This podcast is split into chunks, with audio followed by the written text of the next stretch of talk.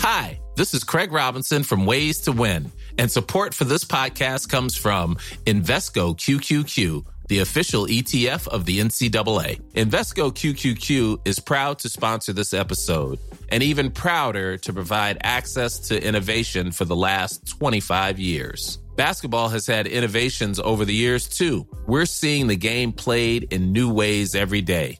Learn more at Invesco.com slash QQQ. Let's rethink possibility. Investco Distributors, Inc. Even when we're on a budget, we still deserve nice things. Quince is a place to scoop up stunning high-end goods for 50 to 80% less than similar brands. They have buttery soft cashmere sweaters starting at $50, luxurious Italian leather bags, and so much more. Plus, Quince only works with factories that use safe, ethical, and responsible manufacturing. Get the high-end goods you'll love without the high price tag with Quince. Go to quince.com slash style for free shipping and 365-day returns.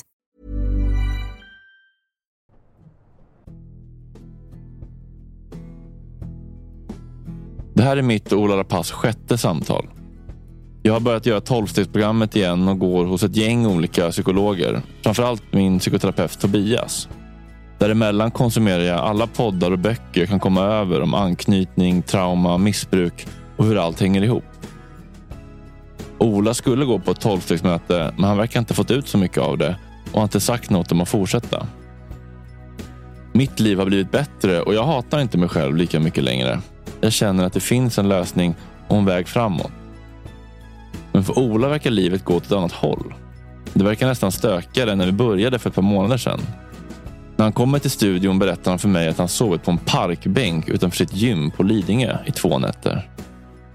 Varför är du hemlös? Ja, nej, det, jag håller på och gräver i de här grejerna och då har jag börjat liksom ifrågasätta om jag bara utnyttjar den här stackars kvinnan för att ha någonstans att bo. Och då bara att jag frågade mig själv det kändes det så jävla ofräscht. Mm.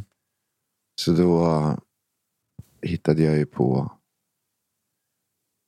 att jag ja, men hittade på någon konflikt som i mitt huvud gjorde det omöjligt att träffa henne. Så gick jag därifrån. Uh, och så tänkte jag, det är ju vår. Man kan sova ute. Så jag cyklade iväg till där jag tränar ute på Lidingö med min polare. Så la jag mig utanför gymmet där. Nej. Jo, på en bänk. Och det var lugnt. Men sen när jag vaknade så var jag så jävla kall. Du har på riktigt sovit ute i natt? Ja, två nätter. Nej, men det här kan vi inte skratta åt längre. Nej, vi, ska inte göra, vi kan inte skratta bort det här längre. Uh, nej, men alltså det var inget, jag hade ju inte gjort det om det inte... Det var ju varmt och skönt. Annars hade jag ju ringt till dig eller någon. Jo, jo, men det är inte det det handlar om. Nej. Nej, men det är klart jag måste ha en lösning på mitt boende i längden. Självklart. Uh, men jag har tagit tag i det nu. Så att jag kommer inte sova på en parkbänk i natt. Hur har du löst det då?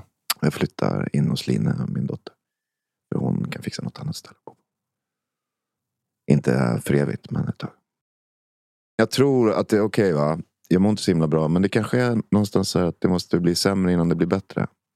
På något sätt. Verkligen. Jag tror att vi båda går igenom processer som gör, eh, stökar till det för oss. För att vi gör annorlunda. Precis. Och det är det som är hela grejen här. Och det är svårt att göra annorlunda. Du är fortfarande ganska ung, men jag är för fan på ättestupans brant liksom. Mm. Eller kant. Och eh, det är svårt att göra nytt. Mm. Och jag känner mig så jävla dålig. Jag, alltså jag har ändå känt mig ganska kompetent genom livet sådär, Mm. på att fixa det. På ja, men hitta sätt att göra pengar och hitta sätt att funka. Liksom. Även om jag alltid har känt mig eh, utanför. Och eh, som en betraktare så har jag ändå haft ett jävla självförtroende att jag liksom fixar, fixar livet. Mm. Och nu känner jag att jag bara står och famlar. Liksom. Mm. Alltså bara vi inte tar livet av oss så är det nog nyttigt. Där. Mm. Men ibland så kan man ju fråga sig också, men är det vä- hur mycket är det värt att gräva då? Speciellt om man ska fylla 50. Liksom, kanske kanske skiter i hela projektet. Och bara... Jag har en, två, tre, fyra, fem, sex, sju, åtta, nio, tio, elva, tolv. Tolv voicemail från min mamma. Jag har inte lyssnat på dem själv. Jag får dem till min mail nu så jag har bara laddat ner dem. Ska vi lyssna på dem? Hallå, det här är Silvia från Skärholm som tänkte ge dig ett jättejobb i Los Angeles så du kan ringa mig när du har tid. Aha, hallå, hej.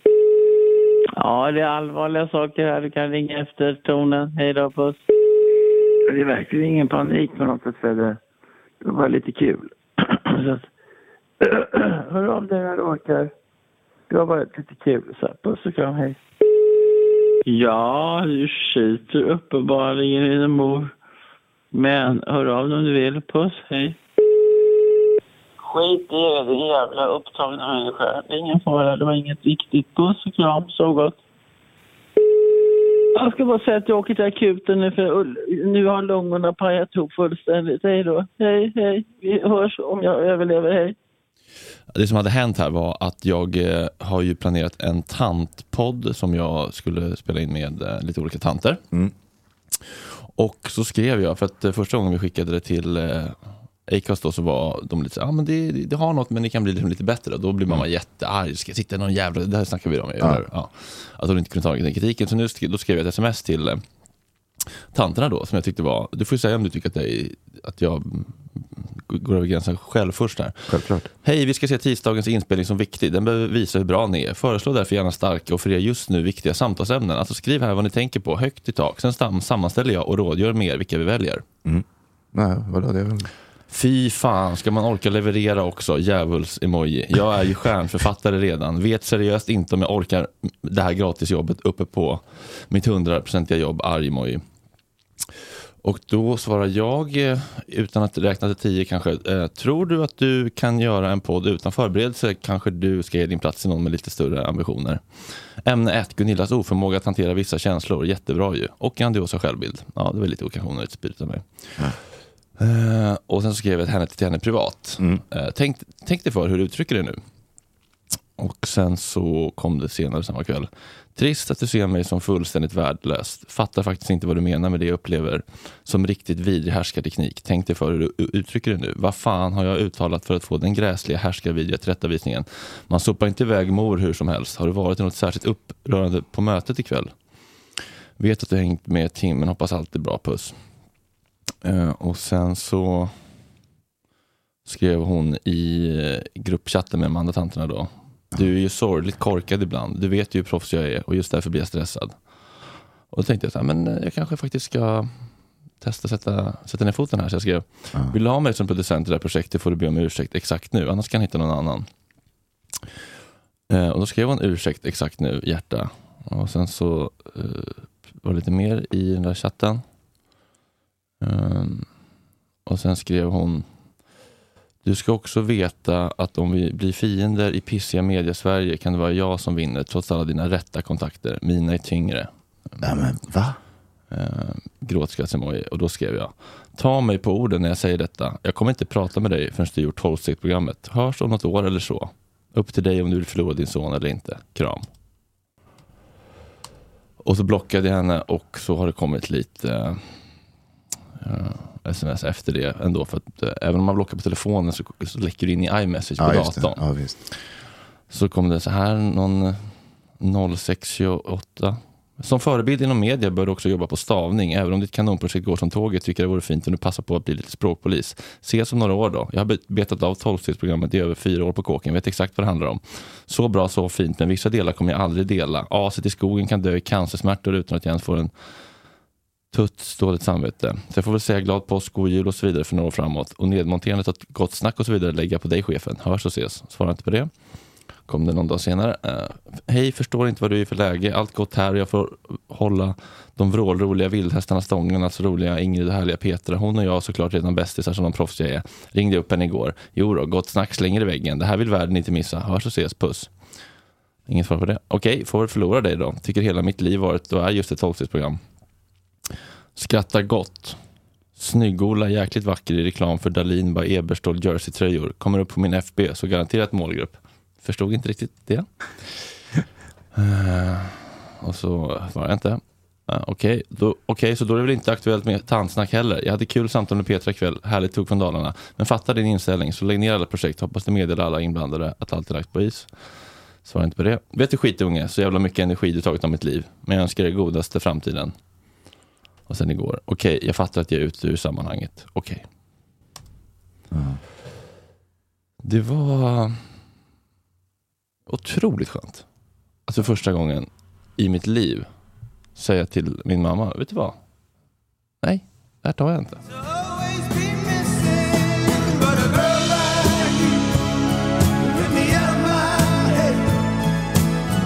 always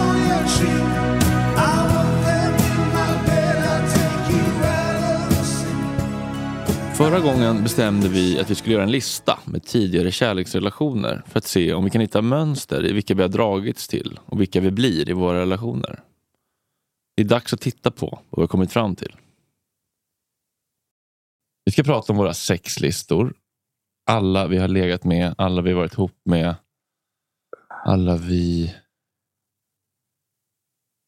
dejtat, kanske, vad vi kommer ihåg. Har du liksom börjat från början med förälskelse eller handlar det bara om sex?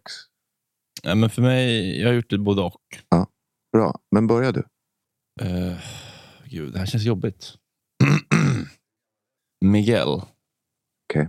Från Lissabon. Mhm. Som jag hittade på en uh, bögchatt. Okej. Som hette någonting. Surferdude eller någonting. All right. Som jag började chatta med. Som jag blev väldigt kär i. Vi började kama. Inte sexuellt, utan började snacka liksom.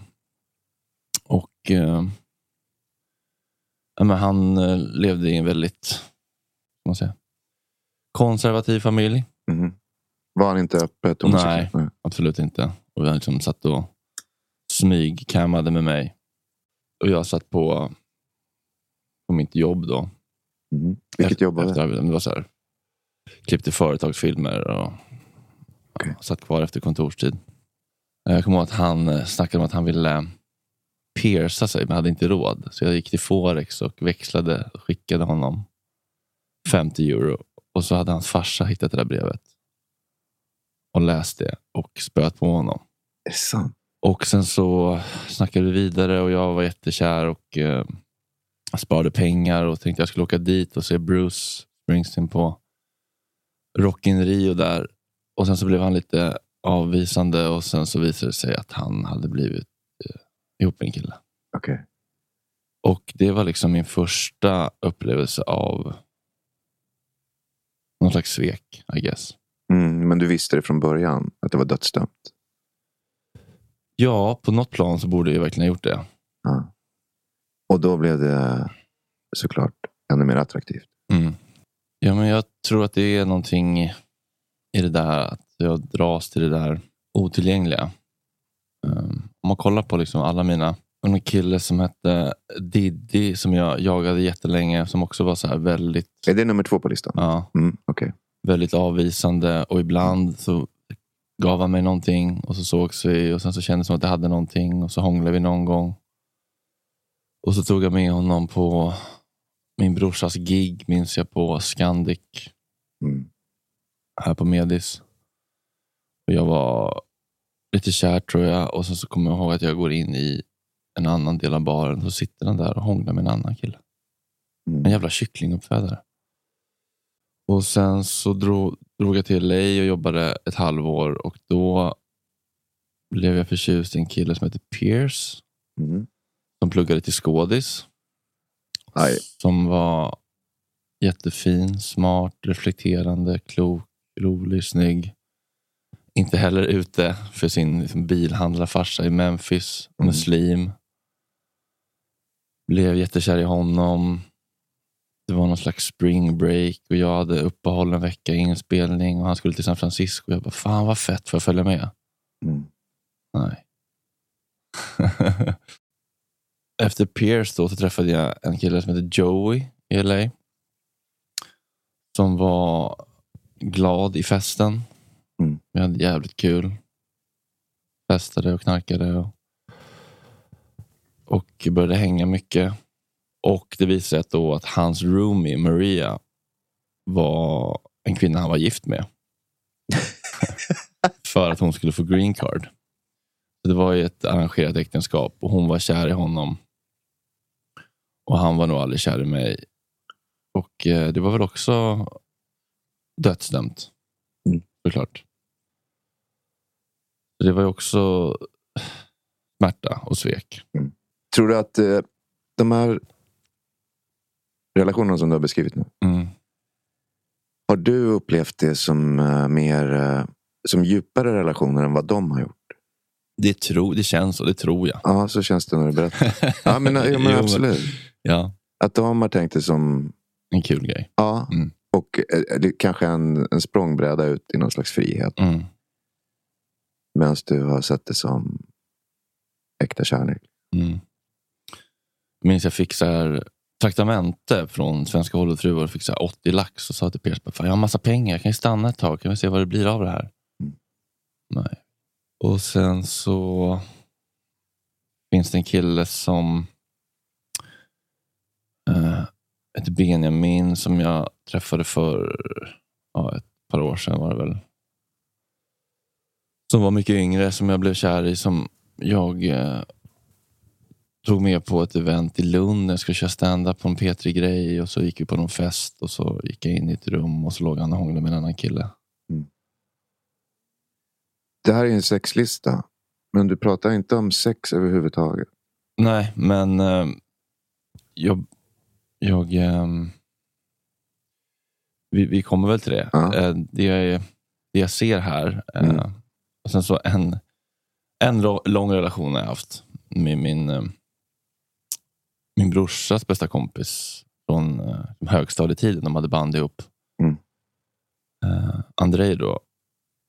Han var ju straight till och med. Mm. Och det var ju liksom det mest otillgängliga man Mm. någonsin kan tänka sig. Mm. Det visade sig att han var bi. Mm. Och det var en, ändå en lång relation på liksom ett par år. Mm. Men också väldigt mycket fram och tillbaka innan det blev något. Liksom. Mm. Eh, Han var inte ute heller på något sätt. Liksom. Nej. Och eh,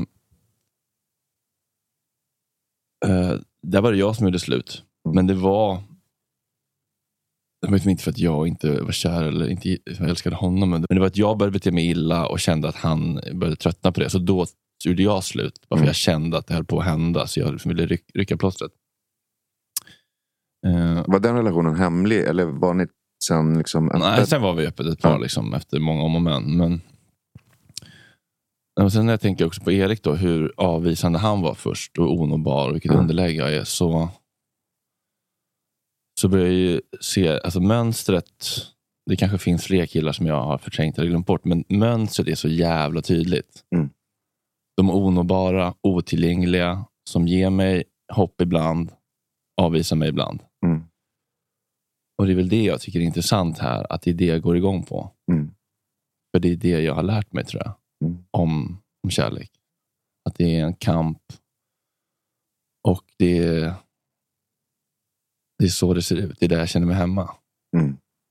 Har du några liksom eh, mellan de här? För det, här är det hörs ju att du har blivit liksom förälskad ganska djupt i alla de här. Mm. Har du haft liksom ytligare bara sexuella knullrelationer emellan? Ja, ja, alltså. Den andra liksom, kategorin för mig är mer så här, som grinder, one night stands, när jag är full och hög och känner mig ledsen. Typ. Hur många sådana ungefär har du haft? Då? Ja, men det är inte så vansinnigt många, men det är ju liksom ändå väldigt tydligt också samma mönster där. Alltså något slags...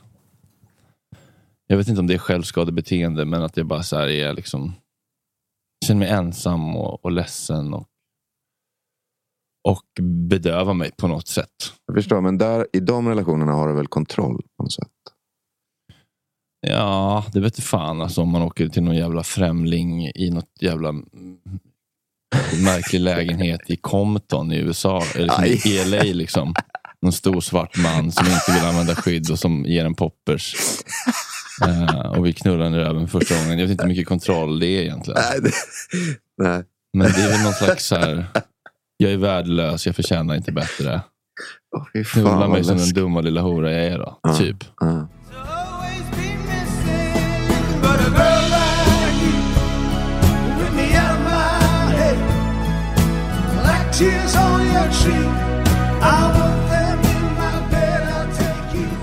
Min börjar i, i eh, andra klass. Ja. Eh, det är inget sex, men det är, alltså, grejen är så här. Mina fyra första stora förälskelser, de var enormt sexuella ändå i mig. Liksom. Alltså jag... Jag drömde en gång i sekunden om sex med de här. I andra klass? Ja. Jaha, okej. Eh, men först så var det en tjej som hette Johanna. Och vi, hade varit, kom, vi gick på samma dagis när vi var små och hade varit sådär kompisar som var hemma hos varandra. Och sen så blev jag kär i henne i andra klass. Och då... Jag vågar inte säga, jag vågar liksom inte fråga chans på henne eh, med ord. Alltså, så jag skrev en liten lapp. Och där skrev jag så här, får jag chans på dig? Och så la jag ett Hubba Bubba, ett sånt där tuggummi Mm. liksom som en liten present och vek ihop den här lappen. Hubba bubba. och la det på hennes bänk i skolan. Vi gick i samma klass. Och så satt jag där. Jag satt bakom. Två bänkar bakom. Och så satt jag och väntade. Det skulle hända någonting. Jag såg inte ens att hon öppnade det. Och sen så när det ringde ut då. Då reste hon sig upp jättesnabbt och gick förbi min bänk och la tillbaks det. Hubba Bubba tog lappen. Utan att ha läst? Jag tror inte att hon hade läst den. I alla fall inte liksom. Ja, det, det fanns, jag hade gjort kryss då för en chans på det, så kunde hon kryssa i. liksom. Mhm. Det var inget skrivet där. Hubba Bubbat låg ju kvar. Eh, och då kände jag så här, okej men f- det- fuck it, det här är liksom. Det går inte. Kärlek, det är kört liksom. Tror jag. Eh, och sen så började jag med någon annan taktik. Att liksom uh, låtsas att jag inte Var inte så. intresserad av brudar överhuvudtaget. Mm. Men jag hade inte, sen hade inte jag sex med någon förrän jag gick i nian. Det var någon sån här uh, Djursholmsbrud som drog med mig från Roslagsbanan och bjöd på kokain och knullade mig i sitt flickrum i något jättehus i Djursholms Ösby.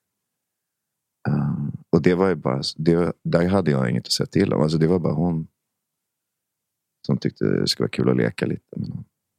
Hur gammal var du då? Jag gick i nian då, vad fan är man då? 15? Mhm. Lite problematiskt eller? Av henne? Ja, kanske, men ändå jävligt härligt. Jag, vet, alltså jag är... Jo, men om du ser på det lite utifrån som... Säg att du hade varit förälder There's never been a faster or easier way to start your weight loss journey than with PlushCare. PlushCare accepts most insurance plans and gives you online access to board-certified physicians who can prescribe FDA-approved weight loss medications like Wigovi and Zepbound for those who qualify. Take charge of your health and speak with a board-certified physician about a weight loss plan that's right for you. Get started today at plushcare.com slash weight loss. That's plushcare.com slash weight loss. plushcare.com slash weight loss. Burrow's furniture is built for the way you live. From ensuring easy assembly and disassembly to honoring highly requested new colors for their award-winning seating, they always have their customers in mind. Their modular seating is made out of durable materials to last and grow with you. And with Burrow, you always get fast, free shipping. Get up to 60% off during Burrow's Memorial Day sale at burrow.com slash ACAST. That's burrow.com slash ACAST. burrow.com slash ACAST. Till dig och du hade varit tjej. Mm. Vänd på det så. Ja. Om din dotter varit 15 och en 20-årig kille hade bjudit henne på kokain och knullat henne i sitt Mm. pojkrum. Hon var inte 20 då. Jag tror bara att hon var något år äldre än mig. Men hon var ju Mm, vuxen. Liksom. Mm. Hon var också jävligt bra på att knulla. Alltså hon var sådär mjuk och lugn och fin. Liksom. Mm. Så det var... jag minns ändå. Jag känner mig tacksam mot henne på något sätt. Ändå. Men det var en positiv upplevelse. Ja, men sen, och sen så försökte vi vara tillsammans då. Och det blev ju... Väldigt snabbt så började jag känna mig uh, uh, otillräcklig liksom. Sexuellt. Så jag började få ångest för, fan ska jag åka hem till henne, då måste jag knulla. Och jag kände mig så jävla dålig på att knulla. Så att till slut så slutade jag ringa henne. Liksom. Och hon var nog inte ledsen för det.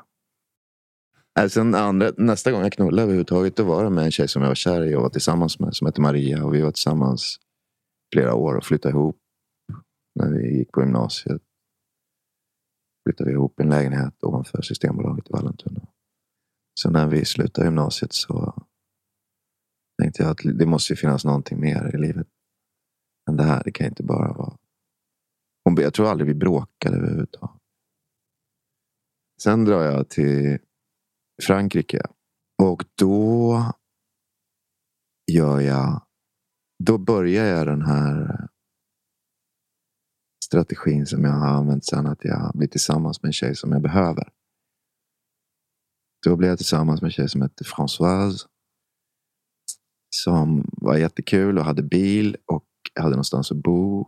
Och han var ju fransyska då. Så att då fick jag ju lära mig språket av henne. Och jag fick skjuts av henne vart jag skulle. Och jag kunde bo hos henne. Vad gjorde du i Frankrike? Var skulle du? Ja, Jag åkte ner för att plugga egentligen. Men blev mest att jag höll på att spela musik. Och Mhm. sådär. Men i efterhand så fattade jag att jag bara liksom utnyttjade henne. Alltså för att jag behövde. Saker och tjänster. Jag behövde en ingång liksom Mm. i den världen. Eh, jag behövde en ingång i, i södra Frankrike. Så att det var eh, lite själviskt. Liksom. Ja. eh, Men du var kär också? nej, jag, nej, jag var aldrig kär. Men jag låtsas. Jag låtsades ju inför henne att jag var kär i henne. Mm. Och sen eh, började jag plugga teater och då blev jag kär i den snyggaste tjejen i klassen. Och sen kom jag in på scenskolan. Och då gjorde jag slut med henne och blev kär i den snyggaste tjejen i den klassen. Och hon blev gravid när vi gick på scenskolan och sen så fick vi barn. Min dotter. Och när min dotter var jätteliten så träffade jag Noomi och blev tokkär. Vi hade ju ett spädbarn då. Och jag hade typ... Eller som jag minns det så var det någon av de första gångerna jag var ute överhuvudtaget. Efter att vi hade fått barn. Och då skulle jag möta upp något gäng scenskolekompisar. Liksom, där på NEF. Och så när jag kom på väg dit så, så var den här kvinnan bara där utanför. I någon röd klänning och en svart skinnjacka. Och eh, jag blev eh, blixtförälskad i henne. Var du fortfarande kär i barnets mamma då? Nej, alltså. Det var, alltså, men jag var så. Jag var så jävla inställd på att jag skulle bli en bra pappa och ha en bra familj. Så jag var så helt fokuserad på att, att vara en bra man. Liksom. Så att det första jag sa till Noomi, det var nej, nej, nej, nej, nej, nej. Jag har precis fått barn, det här går inte. Och så vände jag på klacken och gick därifrån. Och sen försökte jag bara göra allt jag kunde för att glömma bort den här bilden av den här kvinnan. Som jag hade och jag tror att jag lyckats med det. För Malin och jag, min dotters mamma då. Vi eh, stretade på något halvår och flyttade till Uppsala. Jag fixade jobb åt henne och jag, jag, jag fick jobb på Uppsala stadsteater. Fixade ett jobb till henne också där. Så flyttade vi in i teaterns lägenhet i Uppsala. Och sen flyttade vi till Stockholm. Och så var jag ute på kvarnen. Alltså när jag skulle gå därifrån så stod Noomi utanför. Och då gav jag upp. En otroligt trasig separation. Hade du dåligt samvete? Så in i helvete. Jag hade ju lovat, alltså jag, jag hade lovat mig själv och min dotters mamma, att om vi gör barn så ska, då ska jag vara tillsammans med dig resten av mitt liv. Och mitt barn ska inte vara något jävla skilsmässobarn. Mm. mitt barn ska ha en kärnfamilj med mamma, pappa, barn. Okej, och så blir du ihop med Noomi? Och det blir så här århundradets kärlekshistoria. Liksom. Eh, Och tar ju all, allt mitt fokus i, i tio år. Fem år som är helt underbara och fem år som, där vi bara egentligen eh, försöker lämna varandra. Liksom. Men ingen riktigt orkar eller vågar eller vill. Men det blir bara liksom smutsigare och smutsigare och vi sviker varandra mer och mer. Till slut är det så jävla olyckligt så att vi, vi fattar att ja, men det här går inte med. Och sen efter Noomi så har jag väl varit ganska, eller jävligt cynisk i kärlek och sex. Och, sådär. och, och gjort som jag vill. Alltså skitit i både mina egna känslor och andras känslor. Och tänkt att du får skylla dig själv om du träffar mig.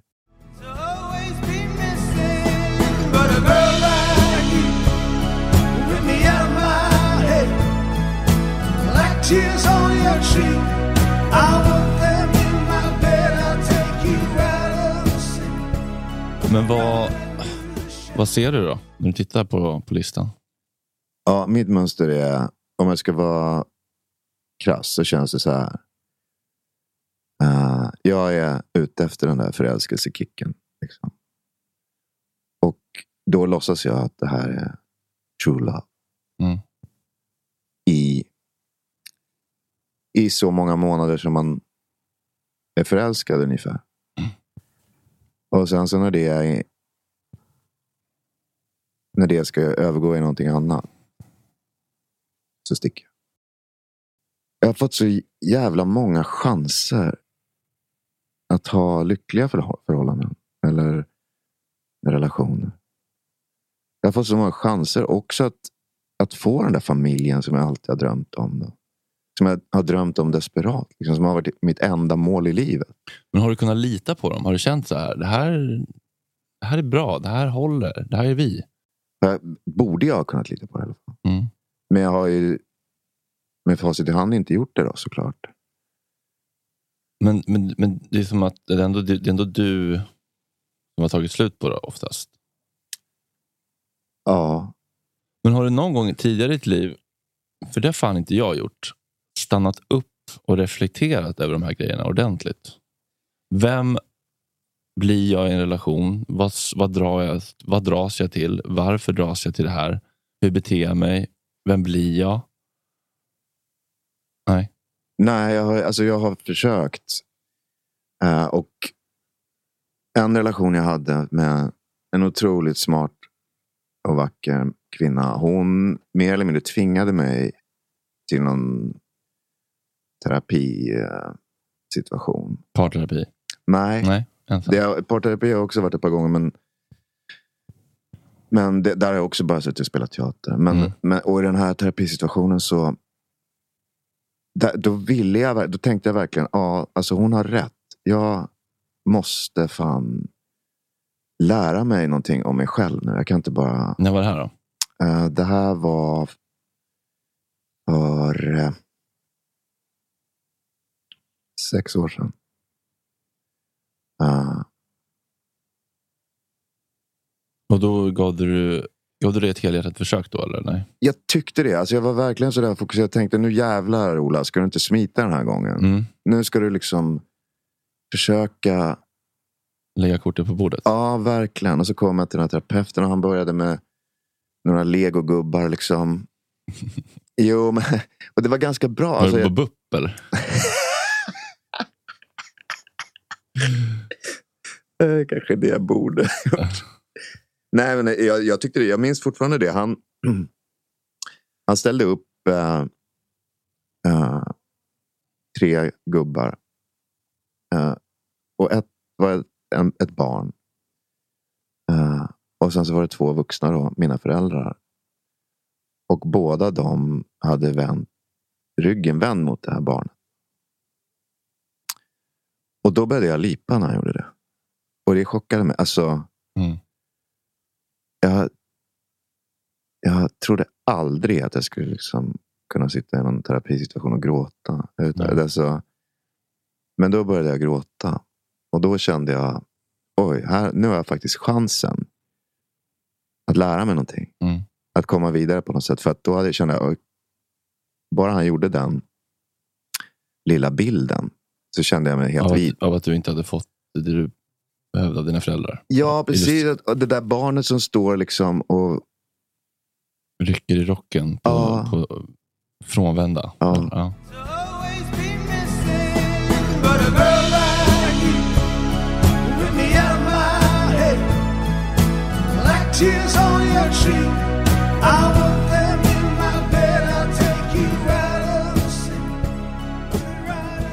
Men, vad, men vad känner du när du kollar på din lista? Vad får du för känsla i kroppen? Jag, det börjar klia på hela kroppen. Mm. Alltså jag, får, jag, jag märker att jag får någon jävla allergireaktion. Alltså på riktigt. Mm. Och jag tror att det... Att jag har mått så jävla dåligt de här senaste dagarna. Liksom. Eller se- senaste veckorna egentligen. Mm. Tror jag också har med det att göra. För att det här har ju varit någon sån läxa jag skulle göra. Jag tror också därför jag blev så jävla sur på Simon. och- Alltså, att det liksom... eh, jag får en fysisk eh, allergireaktion. Det är inga positiva känslor? Nej, När fan heller. Alltså Nej. det är bara... Jag, jag känner... eh, jag får uh, självmordstankar. Är det skam eller är det sorg? Eller vad är det? Sorg tror jag. Att, Mm. Alltså, fan vad bortkastat. Fy fan. Alltså, jag bara känner att... eh, att jag kastar bort livet. Mm. Det är vad jag känner.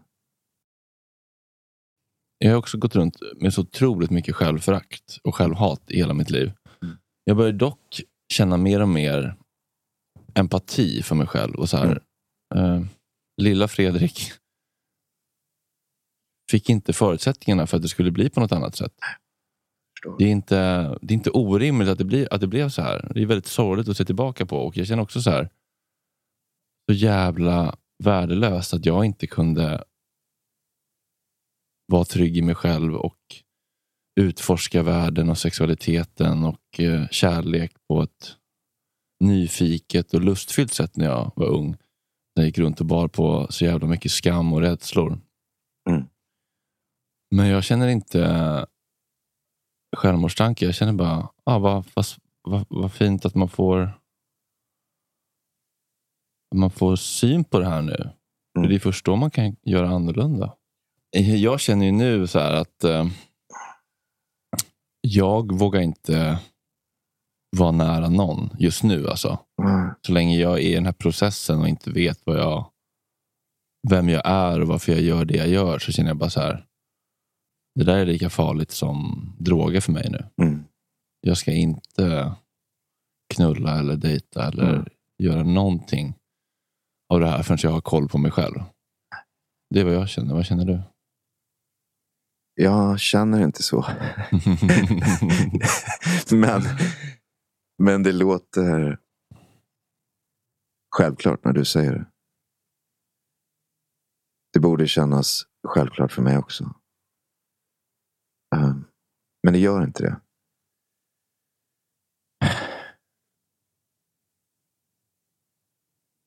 Men jag tänker att det är en sån... När man är i någon slags relation eller håller på med någon, det upptar ju så jävla mycket av ens känslor och tankevärld. Så då, det är sån jävla distraktion. Verkligen. Men Jag behöver liksom fokusera helt och hållet på att försöka reda ut mig själv. Ja. Men...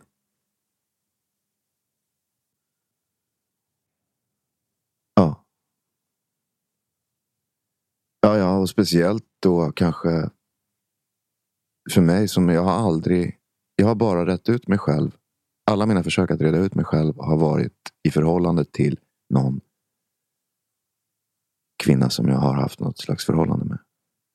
Jag har liksom aldrig Hur länge har du varit själv? Singel? Alltså om jag, om jag säger att jag är singel nu. Så är det väl eh, några dagar. Mm. Eh, alltså, Vad hände med dig då? nej men det, så, jag tycker inte det räknas nu.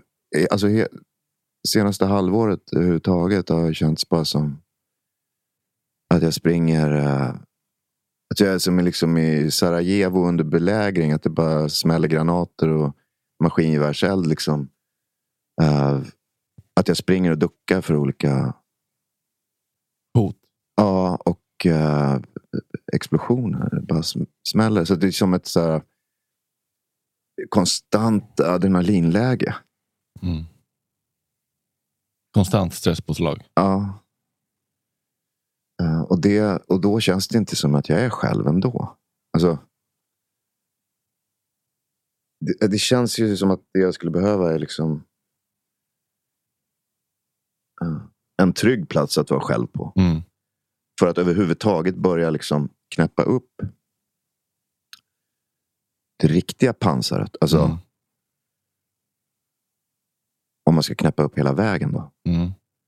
Ja, för om man ska översätta våra beroenden då, eller vad man ska kalla det. Att du fortsätter hålla på och springer i- till eh, en trygg famn. Mm. Det är som att jag skulle fortsätta supa och knarka under den här processen. Ja. Om man ska hårdra det. Ja. Och vi, om vi ska liksom få ordning på våra känsloliv och kartlägga Mm. våra beteenden och bryta våra mönster, då måste vi fan ge oss själva lite respit tror jag. Det är kanske inte lika fysiskt farligt, men det är samma mekanismer. Ja, Samma flyktbeteende. ja visst. Och, eh, och det är nog lika destruktivt. Kanske. Mm. I alla fall just nu. Så att, eh, du har rätt. Jag ska inte... Jag ska välja bort den där famnen. För nu. Mm. Eh, och prova. Men vad, vad känner du för dig själv? Vad tycker du om dig själv? Vad tycker Ola Rapace om Ola Rapace? eh, När han ser sig i spegeln på morgonen. Åh, fy fan. ja, alltså jag undviker speglar. Och råkar se mig i spegeln så, så är jag högt för mig själv. Åh, fy fan. Vad känner du? Förakt. bara. Bara frakt? Ja. 100 procent? ja. En ful gubbe som inte har någonting att komma med. Åh, vad jag... Fan vad jag... Eh, men jag, jag, jag, jag, jag, jag, sitter ju här med dig för att jag har ju känt samma. Ja. Jag är dock inte riktigt det längre. Nej, visst. jag Alltså, vill jag- att du ska känna den kärlek jag känner för dig. mm. För dig själv. Hur platt den må än låta.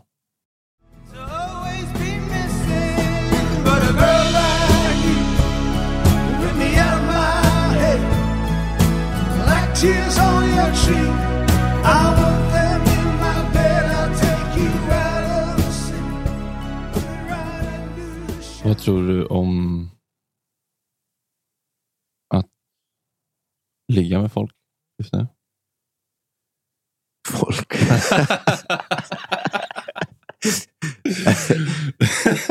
Vadå, vad menar du? ja, nej, jag, jag, men det har jag redan sagt. Mm. Jag tror att det, det är ju en eh, enormt... eh, ett stort ingrepp i alla fall. Mm. Som är värt att prova. Mm. För eh, det har jag aldrig gjort Nej. sen jag blev könsmogen. Det är inte de små ingreppen vi håller på med här. Nej, nej. Ola Rapace färdigknullad. Tills han har sitt shit together. Som Trump sa om eh, gränserna, eller muslim, in- inreseförbudet. Vi, vi förbjuder muslimerna tills vi har koll på läget. med den här luddiga tidsramen. Det är väl lite det vi... Det är väl lite den planen, eller? Eh, nej, men eh, det är rätt. Jag ska eh, inte fly in i en famn och jag ska våga vara med mig själv. Hur känns nykterheten då? Svårt att hålla isär grejerna ju, som vi pratade om. Att när det är så jävla rörigt överallt. Så du sa ju att det kanske inte bara för att du är nykter som du inte sover och så. där. kan jag ha med andra saker att göra. Mm. Och det, så kan det ju vara.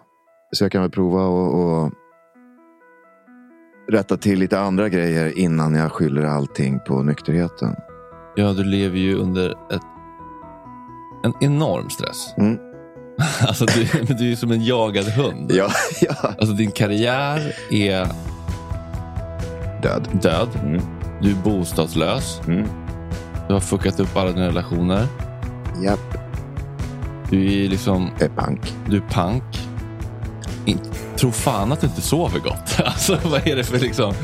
Och så säga att, eh, att det är nykterhetens eh, fel. Det känns ju som ett försvar också. Men jag sover ju när jag är packad. Jo, jo men det gör man ju. Ja. När man eh, bedövar. Ja. Ja. Men lös, det är inte lösningen. Nej. Just det. Ah. Nej, men det är helt rätt. Det är inte lösningen. Eh, men du ska inte... Du behöver inte sparka på mig när jag... Nej, Jag erkänner ju. Nu säger jag. fan vi är eh, svaga för varandra. Ja, men då kan du ju säga så här. Fan, bra Ola. Du är det här var starka... Det- du- det är starkt att du vågar erkänna det här. Och, eh, Jag är sjukt imponerad av dig. Mm.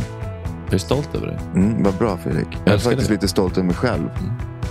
För nu har jag verkligen målat in mig i ett hörn här. Mm. Nu måste jag ju liksom... Nu måste jag ju verkligen eh, göra det här på riktigt hela vägen.